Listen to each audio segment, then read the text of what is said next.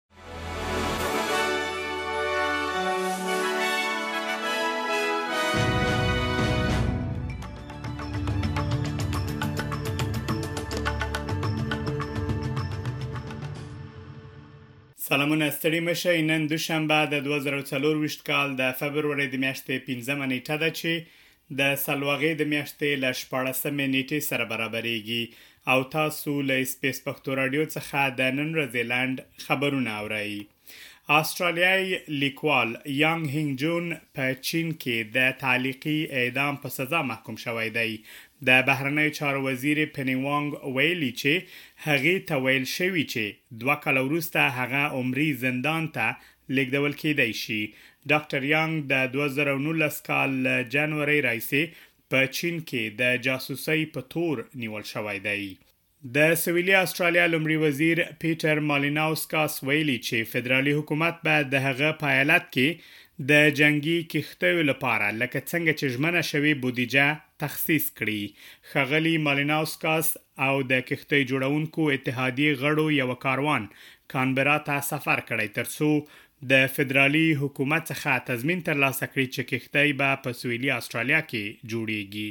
هغه وایي چې د دغو کښتیو د جوړولو لپاره تر ټولو ښه ځای او په اسټرالیا کې یوازنی ځای چې کاري ځواک، مهارتونه او د جوړولو لپاره یې زیربناوې لري جنوبي اسټرالیا ده.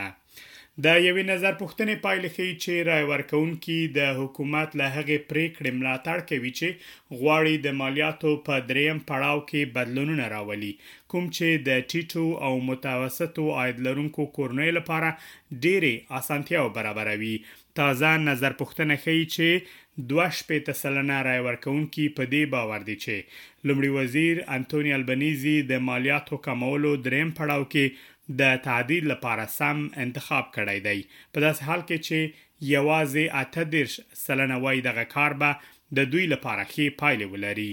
د اسټرالیا خزانه دار جېم چالمرز به د مالیاتو د بدلونونو طرحه سبا پارلمان ته وړاندې کړي. د چیلي هېواد د ځنګلي اور د ناورین له امله د مړو شویو کسانو شمېر مخ په ډېرېدو دی، تر دې دمه لږ تر لږه نهه نوي کسان مړه شوي او په سلګونو نور هم لا درکه دي. د سیمې اوسېدونکو د زیانونو ارزونه پیل کړې، د وینیا په نوم ساحلي ښار په بشپړه توګه سوځېدلی دی، د چیلي ولسمشر ګابریل بوریچ خبرداری ورکړی چې هیواد یې له یوې غمیزې سره مخ دی او ویلي دي چې د چیلي خلک باید د نورو بدو خبرونو لپاره چمتووالی ونیسي.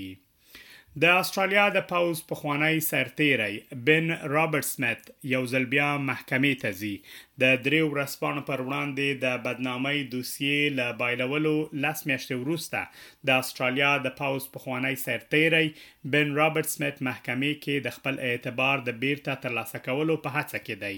د اسټرالیا د پوځ پخوانی سرتېری بن رابرټ سمیت د فدرال محکمې د قاضي د تېر کال حکم ننګولی دی. ټاکل شوې چې د لس ورځو په مودې کې درې قاضیان د هغه د وکیلانو له خوا پراخ دلیلونه واوري. د نوموړي د استناف اوریدنه به د دوشنبې په ورځ پیل شي دا وه د نن ورځې لنډ خبرونه چې ما مجیب منیب تاسو ته وړاندې کړل تر بیا مو الله مل شه.